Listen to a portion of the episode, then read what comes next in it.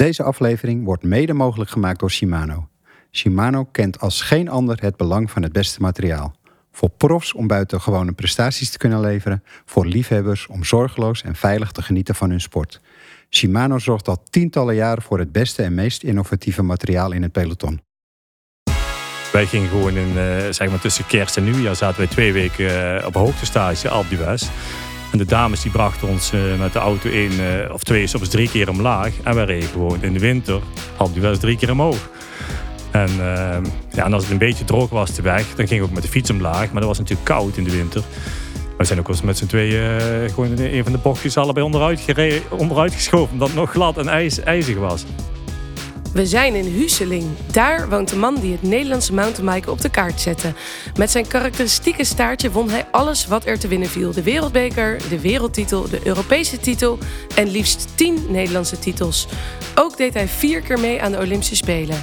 In 2004 won hij brons, maar echt beroemd werd hij in 1996 toen hij zich in Atlanta kroonde tot de allereerste Olympisch kampioen mountainbike. Hij stopte eind 2008 als prof, maar het mountainbiken zit hem nog altijd in het bloed.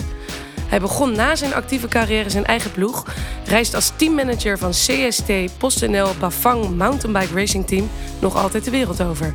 We gaan luisteren naar Helden de podcast, een gesprek tussen niemand minder dan Bart Brentjes en Jasper Boks, hoofdredacteur van Helden.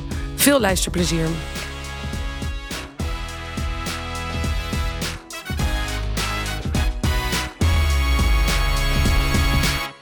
Bart, je bent nu 53. Je won dit jaar opnieuw de Cape Epic in Zuid-Afrika in de Grand Masters categorie. Je kunt het niet laten, hè?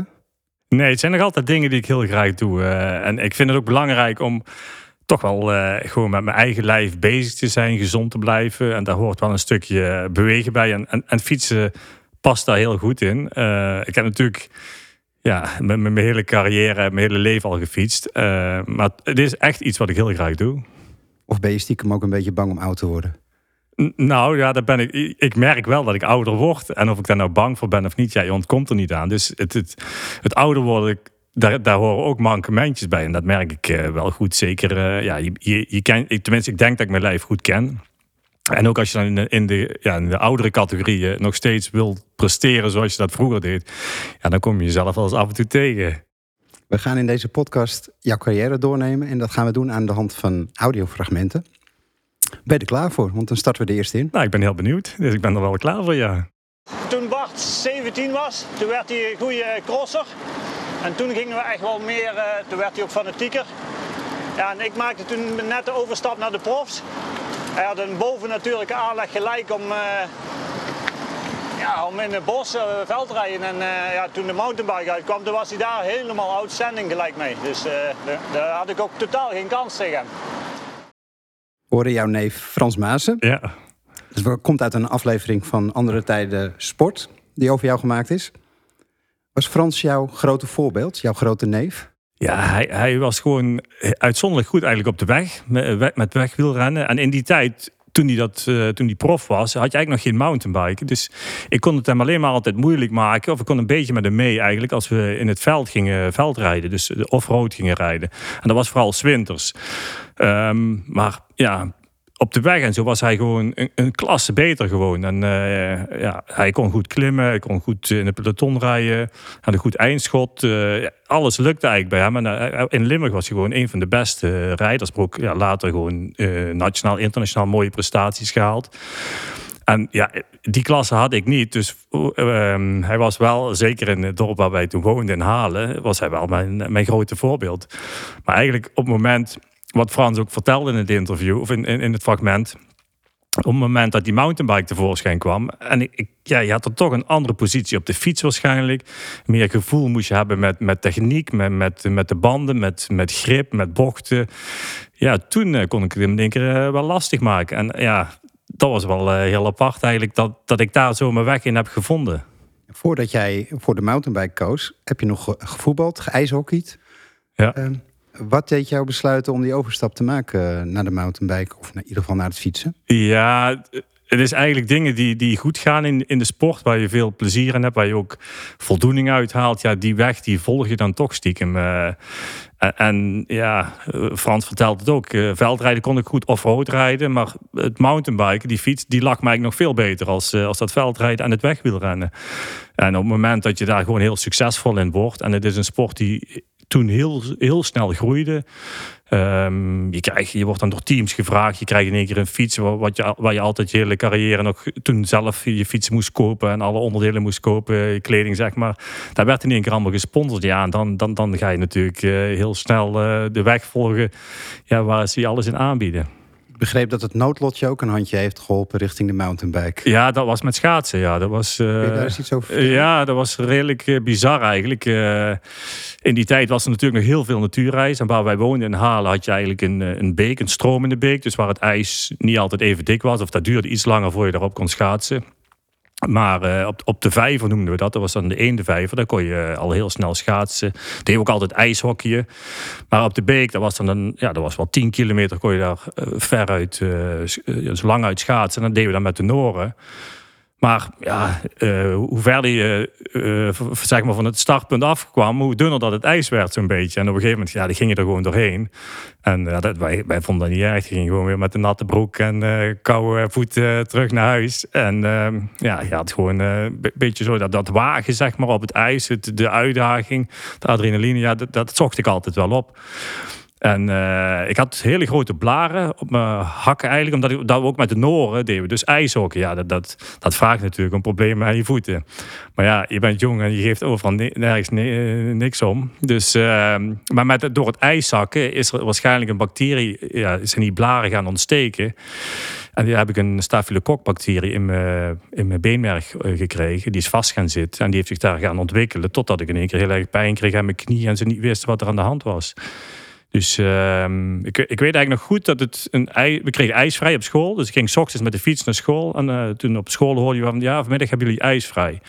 Maar ik kon niet meer, met, eh, ik kon niet meer naar huis fietsen, want ik had zo'n pijn aan mijn knie. Dus eh, ik was wel een keer bij de huisarts geweest, maar samen met mijn moeder, want ik was een jaar of ja, 13 was ik.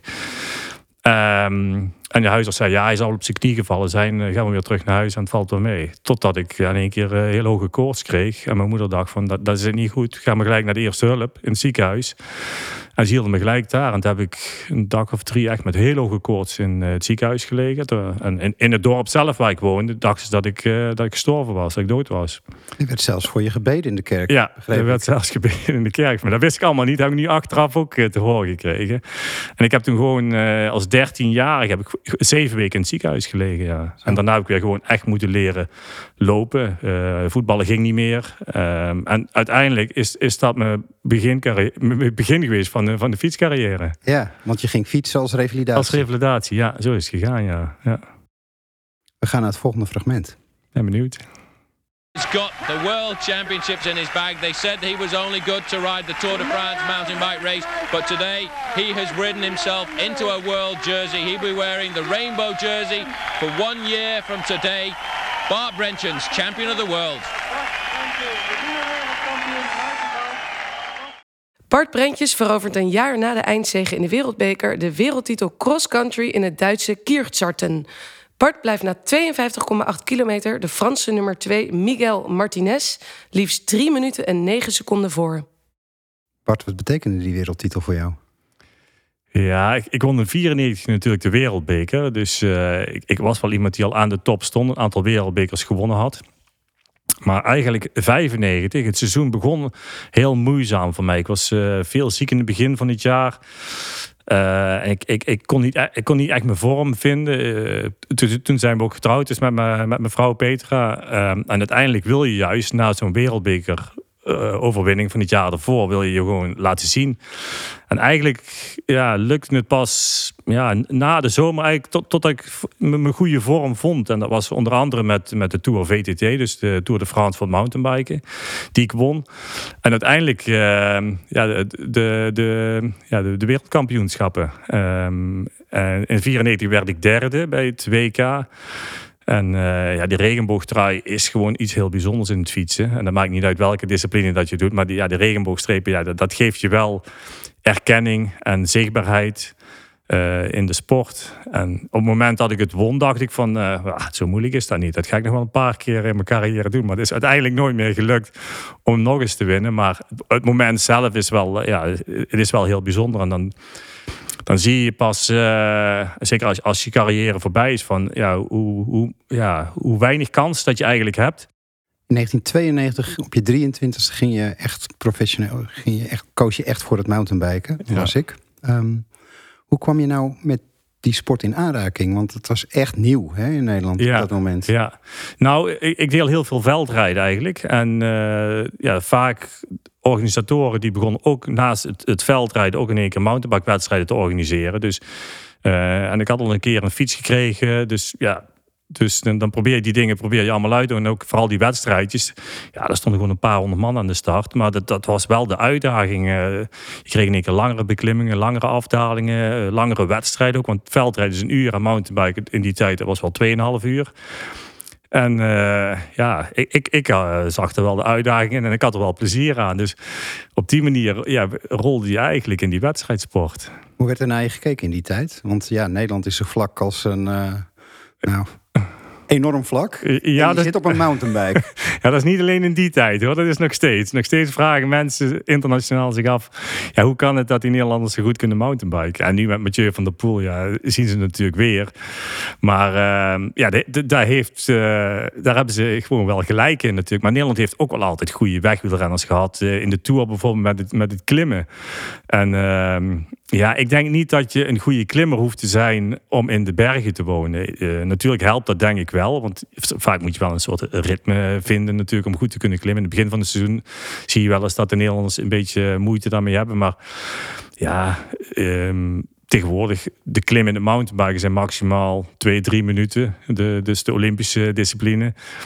Um, en dat kun je in Nederland ook goed trainen. En ik denk tegen de wind in fietsen, dat het bijna vergelijkbaar is met, uh, met bergop fietsen. En, en natuurlijk, ja, mountainbiken of, of een goede klimmer zijn op de weg, dat, heeft alles te maken met zwaartekracht en je eigen gewicht. En die verhouding moet gewoon goed zijn. Maar moest je vaak uitleggen wat je aan het doen was? Nou, ik dat moet ik nog steeds vaak. Dan denk ik van, ja, waar trainen jullie dan? De vraag is het dan. Maar Nederland, en zeker momenteel, heeft uh, heel veel trails. Dus echt heel veel vaste mountainbike routes waar heel veel mensen plezier aan beleven. En waar je echt heel mooi kan mountainbiken. Maar als je kijkt, uh, ja, Zuid-Limburg of Nijmegen, Utrechtse Heuvelrug, daar zit ook al wat hoogteverschil. En als je het maar vaak genoeg herhaalt en op en neer rijdt, dan uh, kun, je wel, kun je wel genoeg bergen op fietsen hoor. Weet je nog op wat voor fiets jij reed helemaal in het begin, toen je net begon? Ja, ja dat weet ik. Ja. Mijn eerste fietsers die moest ik zeg maar tegen inkoopsprijs kopen nog. Um, en dat was een look, een witte, een witte look fiets. Daar was ik heel trots op. Maar al heel snel werd, werd, werd je door een ander team gevraagd. En uh, ja, kreeg je alles gesponsord. En dat, dat werd toen eh, Panasonic. Dat weet ik nog wel. En die eerste lookfiets, kon je die hier in Nederland krijgen? Of moest die geïmporteerd worden? Ja, dat, eh, die heb ik wel via dus zeg maar mijn ploegleider in die tijd, mijn teammanager in, die tijd gekocht. En hij zal het wel, er zal een importeurschap zijn geweest vanuit zijn kant. Dat, hoe dat precies zit, dat, dat, durf ik eigenlijk niet te zeggen. Maar dat was gewoon een complete fiets. Ja, als ik er nu mee zou moeten rijden, zou ik zeggen, nou, maar dat is niet goed genoeg eigenlijk. Ja, en zeker de rijders die we nu in het team hebben ja, die, die eisen wel iets meer als uh, waar, de fietsers waar ik toen mee begonnen ben. We gaan naar een volgende fragment. Hoi Bart, Gert-Jan Teunis hier vanuit Mallorca. Uh, leuk om even iets voor jou in te spreken. We hebben natuurlijk samen een geweldige tijd beleefd. En uh, ja, bij nader inzien waren dat toch wel misschien wel de mooiste jaren misschien wel van ons beide levens. Heel veel plezier gehad, heel professioneel en goed getraind en de resultaten mogen er zijn. Dus uh, wat dat betreft uh, ja, kijk ik met een heel goed gevoel op terug en ik hoop jij ook. Groetjes, groet aan iedereen en uh, wie weet tot snel. We hoorden net Gertjan Teunissen. Spreek je hem nog vaak? Nou nee, eigenlijk wat Gertjan uh, zegt, uh, waar hij mee afsluit. En uh, ik hoop tot snel. Ja, dat is, dat, dat is echt voor mij ook heel belangrijk. Want we hebben elkaar echt al jaren niet meer gesproken. En ja, dat hoort niet. Want we zijn, ja, wat we samen hebben meegemaakt, dat is echt heel bijzonder. En ik denk ook wel, zeker nu je ouder wordt, dat je nu pas beseft van ja, dat zijn eigenlijk misschien wel echt de mooiste dingen, de mooiste tijd uit je leven, ja. En ehm, ja, hij was in die tijd getrouwd met Lieske. Lieske werkt, dat is de schoonzus van mijn vrouw. En die werkt bij ons nog steeds op kantoor. Dus ja, die, die zie ik dagelijks bijna. Ehm, maar zeg maar, Lieske, Petra, mijn vrouw, Gertjan en ik, we waren gewoon vier handen op één buik. We gingen ook naar het land naartoe om, om, om goud te halen. Ik moest het dan doen, natuurlijk op de fiets. Maar ja, gewoon de, de jaren ervoor en de aanloop er naartoe en ook de jaren daarna nog, ja, die zijn wel heel mooi geweest. En we hebben echt gewoon ja, ja, hele, hele bijzondere dingen met elkaar meegemaakt. niet alleen het, het, het, winnen van het goud dan, maar ook gewoon op, op trainingstages of uh, ja, gewoon trainingen waar, waar, waar, waar, soms de vreemdste dingen gebeurden. In 1995 was uh, Gertjan nog wielrenner en hij werd jouw coach. Ja. Hoe, hoe ging dat? Ja, hij had hartritmestoornissen en moest eigenlijk door medische redenen stoppen. Um, en wat ik dus straks al vertelde, mijn, mijn, voorjaar 1995, dat liep heel moeizaam. Uh, ik kreeg de, de goede vorm van 94 niet zo te pakken. Ik was veel ziek. En uh, eigenlijk het moment dat hij stopte, um, zei hij van, ja, ik, uh, we gaan gewoon samen trainen. Zegt ik ga jou begeleiden. En dan, dan kijken we wel hoe het loopt. En eigenlijk vanaf dat moment ja, kwam er alleen maar een boost in mijn leven. Ja. Dus uh, mijn prestaties die werden zoveel beter. Ik ging nog professioneel trainen als dat ik al deed. En ja, gewoon dagelijks bezig zijn met een coach, met een trainer, ja, dat, dat werkte wel bij mij. Op welke vlakken maakte hij jou vooral beter? Nou, hij heeft me vooral uh, leren afzien, denk ik. Uh, hij was gewoon, hij, toen hij stopte, was hij gewoon gruwelijk sterk. En dat is eigenlijk de hele, de hele ja, hoe noem je het? Het aantal jaren dat ik met Gertjan gewerkt heb, dus de carrière dat Gertjan mijn coach is geweest. Ja, ik kon nooit van hem binnen als, als je zeg maar twee en twee reed op de weg met de racefiets. Dan op een gegeven moment ga je, ga je eh, meten, noemen ze dat. Dus hij wie is de sterkste. En ook met, met blokjes rijden of zo. Nou, ik, ik kon hem nooit naar achteren rijden. Dus hij bleef altijd of langs me rijden tot aan de dood aan toe van mezelf bijna. Maar dat, dat heb ik nog altijd zo bijzonder gevonden. En zodra we het veld inreden, dus als we echt gingen mountainbiken, ja, dan kwam de techniek er een beetje bij kijken. En dan kon ik hem dus nog eens een keer losrijden. En daar was ik eigenlijk, altijd heel blij mee. Dat we ook al vaker, dat ik vaker van hem kon winnen in het, in het veld. Maar vooral de strijd die we onderling hadden, op de weg, ja, die was gewoon absurd eigenlijk. En maar ja, ik weet wel zeker dat hij daardoor mij zo sterk gemaakt heeft. En ook we, we gingen vaker met z'n tweeën op hoogtestage, bijvoorbeeld op Tenerife.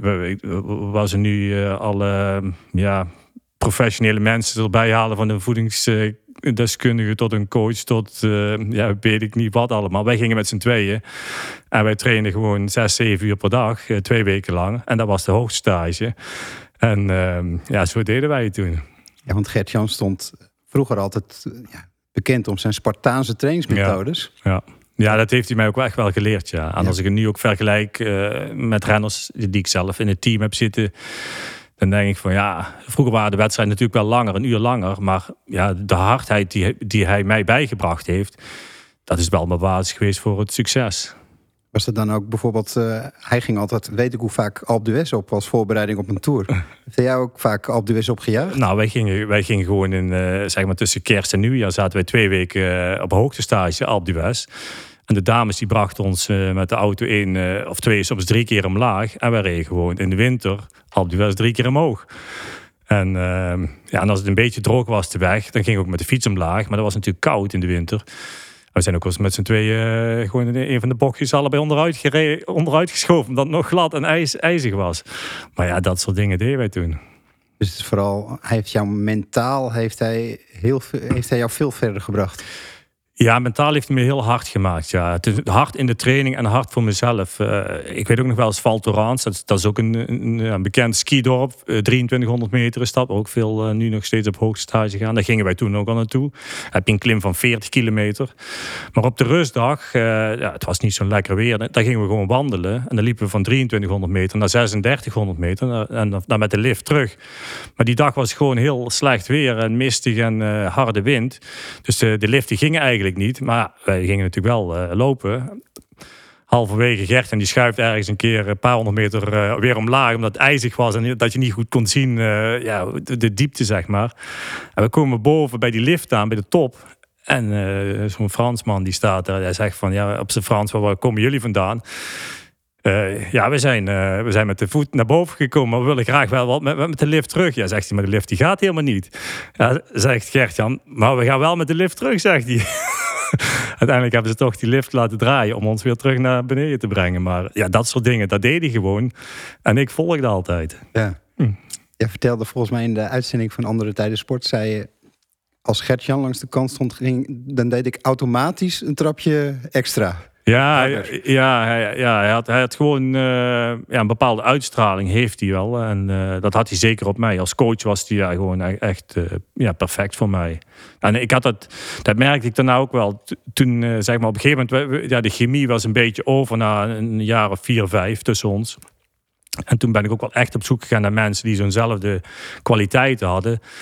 Ehm, maar zoals Gertjan het kon, heb ik eigenlijk nooit meer iemand gevonden.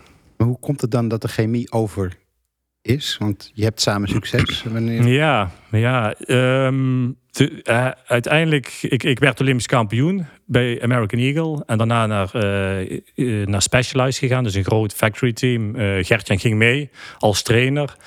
Ehm, uiteindelijk werd hij daar teammanager. Dus van, van trainer-coach werd hij mijn baas in één keer. Dus hij moest bepalen van, ja, hoeveel dat ik me mocht verdienen en hoeveel salaris dat ik kreeg. Ehm, en hij, moest, hij was natuurlijk verantwoordelijk voor, voor het hele team, dus voor alle rijders. En uiteindelijk eh, ja, is het daar misgegaan. Er stond eigenlijk een, an- een, een, andere dynamiek te zien. ja, er stond een, ja, er werd in één keer een andere verhouding. Dus waar, waar die gewoon, waar alles om mij draaide, vanaf, vanaf, vanaf zijkant, ja, werd hij in één keer mijn baas. En het stond er in één keer een muur tussen ons in eigenlijk. En mijn, mijn, vooral het eerste jaar, 97, was, ja, was gewoon niet goed naar de Olympische Spelen. En 98 had ik veel blessures, eh, twee keer het sleutelbeen gebroken in het, in het seizoen. Ja, dan, dan heb je al twee keer zes weken dat je mist met herstel erbij. Dan is bijna het seizoen eigenlijk voorbij.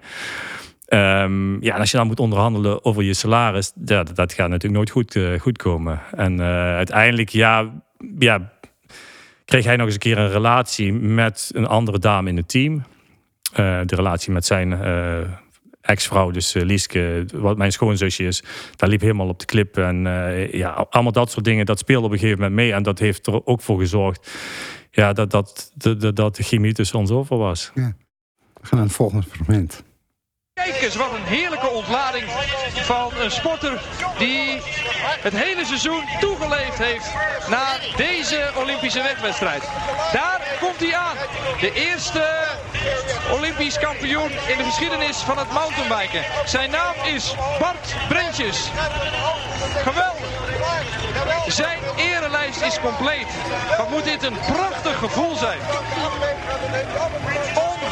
Ongelooflijk wat hij hier vandaag heeft gepresteerd. Bart Brentjes wordt in Atlanta op 31 juli 1996 de allereerste Olympisch kampioen mountainbiken. Op het Georgia International Horse Park laat hij in de verzengende hitte de concurrentie naar 50 kilometer ver achter zich. De Zwitser Thomas Friesknecht is op 2 minuten en 36 seconden de best of the rest. Jij hebt niets aan het toeval overgelaten eh, in aanloop naar de Spelen in Atlanta. Je had, opgesloten in een, eh, je had jezelf opgesloten in de klimaatkamer, las ik ook. Eh, dat was voor die tijd redelijk revolu- eh, revolutionair. Ja, ja, opgesloten niet helemaal. We gingen twee keer per week gingen we in de kli- klimaatkamer trainen. Ehm, maar ook dat soort dingen, ja, dat, dat kwam allemaal van Gertjan af. Die, die was gewoon heel ver in dingen uitzoeken en onderzoeken. En Leo van Zeeland was mijn nationale coach, dus bondscoach. Ehm, en in Nijmegen hadden we een, een, klimaatkamer. Dus dan, eh, die gingen we op de roller trainen om aan die eh, temperaturen te wennen. Want Atlanta stond bekend, hoge luchtvochtigheid en hoge temperaturen. Je reed in de wedstrijd had je van die ventilatoren met, met van het vernevelde water staan waar je doorheen kon rijden om een beetje te koelen. En ehm, ja, dat, dat, dat, wa- dat was Atlanta. Dat, dat waren de extreme, de extreme hitte. Kan jij die Olympische wedstrijd nog helemaal voor, je, voor de geest halen? Eh, sommige dingetjes, ja, maar niet helemaal. Maar wel zo, zeg maar, het parcours en zo, daar, kan ik me wel nog heel veel van herinneren. Maar eh, ik weet dat Luca Bramati bijvoorbeeld en Pontoni, die reden in eerste instantie met me mee. Daar waren we twee veldrijders eh, uit Italië. En daar, waren we eigenlijk, daar hadden we, had ik eigenlijk het meeste schrik voor, omdat we, die zagen wij nooit bij andere wedstrijden. Dus je wist niet precies wat voor niveau dat ze hadden. Maar wel dat ze een uur lang heel hard konden fietsen. En ehm, Met Luca Bramati, dat is eigenlijk wel grappig, want die kom ik nu nog steeds tegen. Die heeft ook een eigen mountainbike team tegenwoordig. Dus we zien elkaar uh, bijna wekelijks weer bij de wedstrijden. En we hebben gewoon respect voor elkaar. Maar hij was heel irritant in die wedstrijd toen. Want hij probeerde hem echt te intimideren. Door, door voornamelijk met zijn, uh, met zijn voorbeeld tegen mijn achterwiel aan te tikken. Dus ik reed op kop. En hij zat een beetje achter me ja, te intimideren van, om me uit de tent te lokken. En ik had zoiets van, ja, Luca, als je nog één keer doet dan kun je me zeggen wat je wil, maar dan demereer ik. En ik weet niet of het al te vroeg in de koers is, maar ik doe het gewoon en ik zie je nooit meer terug. En dat gebeurde eigenlijk. En dat was misschien het juiste moment. Hij had misschien waarschijnlijk niks beters uh, tegen mij kunnen doen. Want dat was gewoon een beslissende moment uh, voor de overwinning.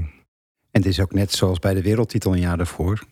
In Atlanta. Het was ook niet het was ook niet spannend. Je reed gewoon iedereen, ja. iedereen zoek. ja, in die tijd waren de mountainbike-wedstrijden niet zo heel spannend. Want je had het gewoon, het waren meer uitputtingsslagen eigenlijk wat, wat, je, wat je had. Het was 2,5 uur. En in die tijd, als je dan bijvoorbeeld als je materiaalpech had, dan moest je het allemaal zelf doen. Tegenwoordig heb je gewoon een uh, tech zone, noemen ze dat. Dus waar je alles mag wisselen behalve je frame. Maar als je toen lek reed, je had gewoon een binnenbandje bij je met CO2-patronen, dus met waar lucht in zit. En dan moest je het zelf doen. Dus je had altijd nog een marge nodig van minimaal. Ik kon, ik kon een, een wiel of een eh, binnenband wel wisselen, anderhalf minuut. Maar die marge had je wel nodig. Dus had je een minuut voorsprong, dat was helemaal niet genoeg. Want als er iets gebeurde, dan, dan, dan haalde de nummer twee je weer in. Dus daar hield je wel rekening mee. En wat ver, hoe veranderde jouw leven na die gouden medaille? Ja, het heeft, wel, eh, het heeft mijn leven wel veranderd. Het heeft mijn leven ook wel bepaald natuurlijk. En vooral de aandacht die je daarna krijgt van, van media en de hele winter. Ook uh, ja, dat je heel veel dingen doet, behalve voorbereiden op het nieuwe seizoen. Dat heeft er ook al voor gezorgd dat 97 een, een jaar was waar het absoluut niet goed ging. Hoe was dat om dat in ene overal waar je komt... hey, daar is Bart Breentjes. Daar willen we wat van. Ja, zo, zo was het inderdaad. Ja. En, uh, ja, het streelt je ergens natuurlijk dat, ja, dat, dat je zoveel aandacht krijgt. Maar aan de andere kant, ja, je bent topsporter. En moet je eigenlijk maar voor één ding zorgen. Is dat, dat je, je carrière, alles uit je carrière haalt. En, en niet te veel achterover gaat leunen. Want ze allemaal voor die Olympisch kampioen zitten in de volgende wedstrijd. Je bent een soort uh, graadmeter voor heel veel uh, ja, rijders of tegenstanders uh, van je concurrentie, zeg maar. En dat, dat resulteert er wel in dat, dat het alleen maar moeilijker wordt om het te evenaren. en dat was bijvoorbeeld in Sydney in 2000 ook wel het geval.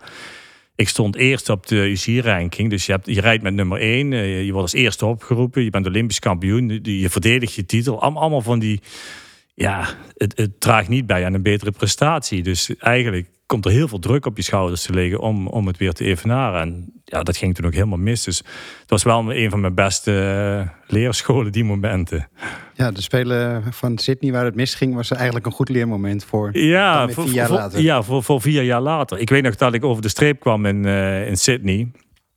En ik weet niet wie, wie, wie, uh, zeg maar de vragen stelde over de finishlijn. Maar uiteindelijk sloot Mars Smeets uh, af. Van ik zei dus, als antwoord zei ik van, maar over vier jaar sta ik er weer. En Mars Smeets sloot af met de woorden van uh, de optimist.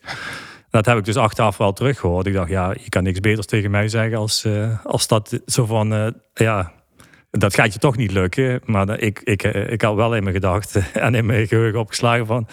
Ja, maar over vier jaar, je kan me zeggen wat je wil, maar ik ga een medaille pakken. Maar het Smees gaf jou die drijfveer uh, ja, voor, de, voor, de, ja, voor de vier ja. jaar die daarna volgden. Ja, inderdaad. Ja, ja, ja, Nou, hangt hier jouw fiets waarmee je Olympisch kampioen werd aan de muur, thuis. Um, vergelijk die fietsers met wat er, waar er nu mee wordt gereden. Ja, dat, dat is een wereld van verschil. Ik denk misschien wel de grootste verandering is de wielmaat geweest. Dus vroeger reed je met 26 inch, dus kleine wielen. En tegenwoordig is het allemaal 29 inch. In die tijd was het een hardtail, dus met alleen maar voorvering. Maar de vering die je toen had was 40 mm. Nu rij je met 100 of 120 zelfs. Um, ja, het materiaal aluminium in die tijd, nu is het carbon.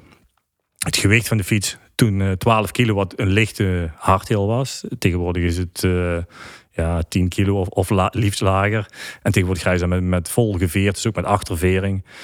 Uh, in die tijd was het nog met uh, V-brakes. Dus het was wel hydraulische remmen waren dat trouwens. Maar wel op de, op de velg. Dus een remblokje op de velg. Tegenwoordig is het allemaal schijfremmen.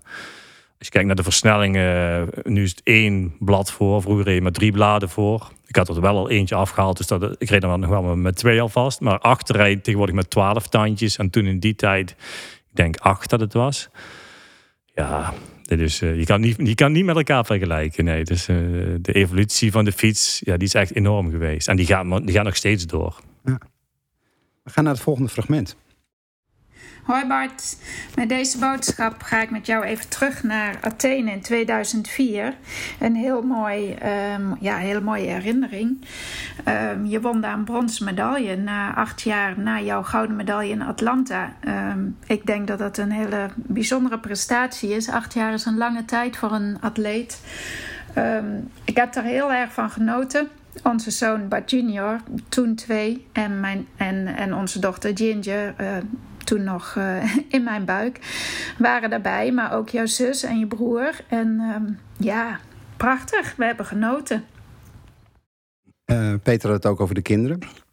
Um, weten de kinderen wat papa allemaal heeft gepresteerd in zijn leven?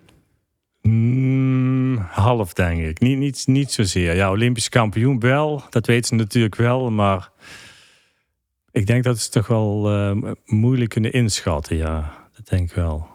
Nou, nee, we hebben het er ook niet heel veel over. Wel, ja, dat we dus een eigen team hebben. En dat, dat, dat zien ze dan wel, wat we allemaal doen en zo. Maar dat we dat vroeger ook zo deden, dat ik zelf op dat niveau fietste. Ik, ik, ik geloof niet dat ze, dat, dat ze zich daar heel bewust van zijn geweest. Of nog bewust van zijn. Um, Petra had het in het fragment over de Spelen van 2004. Je won daar brons. Ik las ergens dat je die medaille heel belangrijk voor jou is geweest. Ja, kijk, dat, dat, dat goud, dat zat er wel aan te komen. Ik was wereldkampioen natuurlijk het jaar daarvoor, wereldbeker gewoon de 94. En eh, het was eigenlijk een, logisch rijtje dat ik, uh, dat ik ook kans, had, kans hebben zou zijn op goud. Um, ja, en daar, daar lukte gewoon alles goed voorbereid. Een parcours wat me lag. Je bent in de kracht van je leven, 27 uh, in, in 96. Maar Sydney, dat ging eigenlijk helemaal niet goed. Dus, uh, en dat was zoiets van, ja, ja, ja, kan die nog wel? Uh, ja, je, wordt toch wel wat ouder. En ja, Athene, daar, was ik uh, toch al 36. Dus je bent, zit toch alweer in, je, ja, in de laatste jaren van je carrière, van je topsportcarrière. Maar ik was er zelf wel van overtuigd ja, dat ik het kon. En ik heb het in, mijn ogen wel eigenlijk helemaal zelf gedaan. Terwijl ik in, in, in Atlanta was Gertje mijn coach. Uh, ja, ja, je had alles zo gecreëerd om je heen. Ja, dat alles perfect was. Um, maar in Athene, ja, toen heb ik het toch wel uh, eigenlijk vanaf 2000 tot 2004 heb ik het min of meer zelf gedaan. Veel dingen ja, in voor, de jaren ervoor opgepikt, uitgewerkt. En um, ja, dat, dat gaf me wel zeker zelf de voldoening en de, ja, de, dus de, ja, en ook wel de waarde dat ik, het, dat ik het op die manier kon. Kijk, je wint geen goud, wat voor misschien voor een buitenstaander alleen maar telt. Maar voor mezelf was het zoiets van, ja, ik ben 36. Je weet, degene die won, uh, Julien Absalon, die heeft twee keer goud gehaald. Die was in zijn kracht van zijn leven. De tweede was een, Spanjaard, Hermida. Het waren renners ja, waar ik ja, meestal van verloor. Um, maar op dat moment ja, waren er ook genoeg nog die, vaker voor me zaten, maar die zaten op dat moment achter me. Dus op, ja, ik vond wel dat ik zelf, uh, daar haalde ik heel veel voldoening uit, ja, die bronzen medaille. Je hebt daarna ook zelfs nog de Spelen van 2008 gedaan. Ja. En daarna was het tijd voor een, voor een nieuw leven. Uh, Peter, Lieske en jij vormen nog altijd een team. Zijn betrokken bij het mountainbike team dat, uh, dat jij opzette nadat je in, dat je in 2008 stopte. Je bent teammanager van CST PostNL Bavang Mountainbike Racing Team. Heb je het nog vaak met de jongens waar je nu, ja, die je nu onder je hebt over de tijd, over jouw tijd, zeg maar? Nee, eigenlijk niet. Nee, nooit. Nee, nee heel weinig. Ik denk dat het ook, ja, de, um, soms valt het me wel eens tegen van hun dat ze me nooit vragen van, uh, ja, jij bent toch ook Olympisch kampioen geweest, hoe, doe je, hoe deed jij het dan of hoe doe jij het dan? Um, ik denk dat ze me meer echt zien als, als baas. Dus uh, ik regel het voor hun. Ik regel uh, zeg maar de, de, sponsoring, uh, de contracten. En ik, ook gewoon het regelen van de mensen inzetten op de juiste plek. Ehm, met alle logistieke dingen erbij. Van materiaal tot hotels, reizen ja, en personeel dan. Um, en ze werken allemaal met een eigen trainer. en soms overleggen we dingen wel eens met elkaar, zeg maar, trainer, atleet en ik. Maar dat ze me specifiek vragen van... Uh, maar hoeveel train je dan in de week? Of deed je ook wel uh, krachttraining of snelheidstraining of techniektraining? Die vraag krijg ik maar zelden. Hm.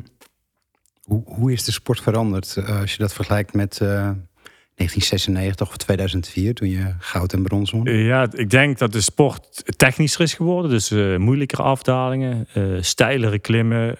Eh, maar ook de wedstrijden zijn veel korter geworden. Vroeger had je 2,5 uur wedstrijd. Tegenwoordig is het eh, een uur 20, een uur 25. Dus is eh, sneller, flitsender. Is meer tv-sport geworden. Ehm, maar dat vergt ook wel natuurlijk andere, andere trainingen. Dat, dat denk ik wel. Maar uiteindelijk is ja, fietsen is fietsen. En de basis is nog altijd de basis. En daar denk ik wel dat ze nog wel dingen van mij zouden kunnen leren. Maar die vraag, wat ik zeg, die krijg ik niet heel vaak. Jij bent natuurlijk, eh, eigenlijk ben je nog steeds de pionier van het mountainbiken in Nederland. Nou hadden we natuurlijk ook Mathieu van der Poel die, eh, die daarbij kwam. Een nieuw boegbeeld voor de Ja. sport. Hoe belangrijk was het? nou, ik denk dat sport eh, ja, boekbeelden nodig heeft. Zeker ook om de aandacht te krijgen van de media. Ehm, ja, en Mathieu had... Ja, Ma- Mathieu is gewoon een, ja, een persoonlijkheid. Het maakt niet uit wat hij doet. Als hij nou veldrijden doet, het wegwielrennen of het mountainbiken. De pers komt toch wel als hij aan de start staat. En hij krijgt heel veel aandacht. En als hij dingen doet, doet hij het meestal ook nog eens eh, hartstikke goed. Want hij komt altijd met een, eh, met een script tevoorschijn. Dat, kun je zelf niet bedenken. Dus ehm de finales wat hij rijdt zijn altijd uitzon- uitzonderlijk mooi om naar te kijken. Ehm, en zo was het eigenlijk ook, zo zou het eigenlijk ook vorig jaar zijn, zijn moeten gaan op de Olympische Spelen eh, in Tokio. Eh, ja, totdat hij natuurlijk eh plankje miste. Spreek je hem geregeld? Ehm, nee, nee, eh, nee.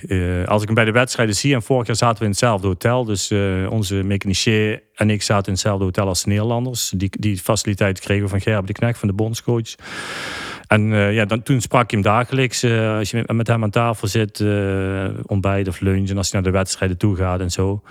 Maar ehm, nee, buiten dat, als hij zijn programma rijdt op de weg, dan, nee, dan spreek ik hem eigenlijk nooit. Jij was volgens mij aanvankelijk een beetje bezorgd dat de hype eh, van Mathieu en het, en het mountainbiken eenmalig zou zijn. Dat hij zou stoppen na de Spelen in Tokio met, met mountainbiken. Nu heeft hij aangegeven om in ieder geval te willen mountainbiken tot en met de Spelen van Parijs. Ja. Hoe belangrijk vind jij dat? Ehm, nou, ik ben er heel blij mee. Dat, eh, ja, hoe belangrijk ik het vind. Kijk, het is zijn keuze wat hij doet. Hè. Het, is, het, is, zijn keuze. Het, team, de sponsors eh, wat om hem heen hangt, die bepalen waarschijnlijk ja, welke weg dat hij opgaat. Maar dat hij voor het mountainbike kiest, vind ik heel mooi. Ehm, ik denk dat de sport in Nederland eh, er heel erg bij gebaat is dat hij het doet. Ehm, en ik hoop dat hij zelf inziet dat hij kans heeft op een Olympische medaille, ook in Parijs. Ook al is hij dan drie jaar verder. Maar ehm, ja, ja ik, ik, ik zie het heel graag, want het is, het is gewoon een heel, heel bijzonder persoon.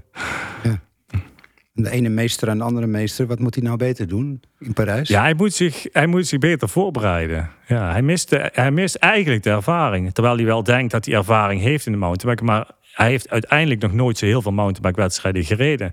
En dat is ook niet de ervaring wat hij heeft met, met die plank die er, eh, die er niet lag. Waarvan hij dacht dat hij er wel zou liggen. Ehm, en dat is ergens toch een stukje voorbereiding, vind ik. Kijk, als hij het test-event gedaan had, het jaar daarvoor, dus iets meer tijd besteed had eh, in de voorbereiding. En daar hoort ook een beetje eh, test-event mee. Hoort daar ook bij. Dus naar Tokio gaan, eh, het reizen. En hij, hij, had zoiets van: ik moet me voorbereiden op het crossseizoen. Want dat, dat is mijn inkomsten. Dat doe ik ook graag en dat wil ik ook goed doen. Maar als je dat test-event mist. en daar wordt duidelijk uitgelegd dat die plank er niet ligt in de wedstrijd. ja, dan, dan was het heel anders gegaan. Dus als hij Parijs doet. ja, doe het dan. Niet, niet dat hij het niet goed heeft gedaan, maar eh, ja, het is uiteindelijk niet goed gegaan. Als Mathieu Olympisch kampioen eh, zou worden in eh, Parijs, dat geeft weer een boost aan de mountainbiken. Bart, het is alweer 30 jaar terug dat jij het mountainbike ontdekte. Jarenlang was je de pionier. Ehm, hoe wil je dat, je dat mensen jou herinneren? Ah. goeie vraag. Ik weet niet, als een, eh, als een fijn persoon, als een eh, goed mens. Dat vind ik zeker zo belangrijk als hetgeen wat ik allemaal gewonnen heb. Dit was Helden de podcast. Volg deze podcast op Spotify of Apple Podcast voor nog meer inspirerende sportverhalen. En laat ook een review achter. Bedankt voor het luisteren.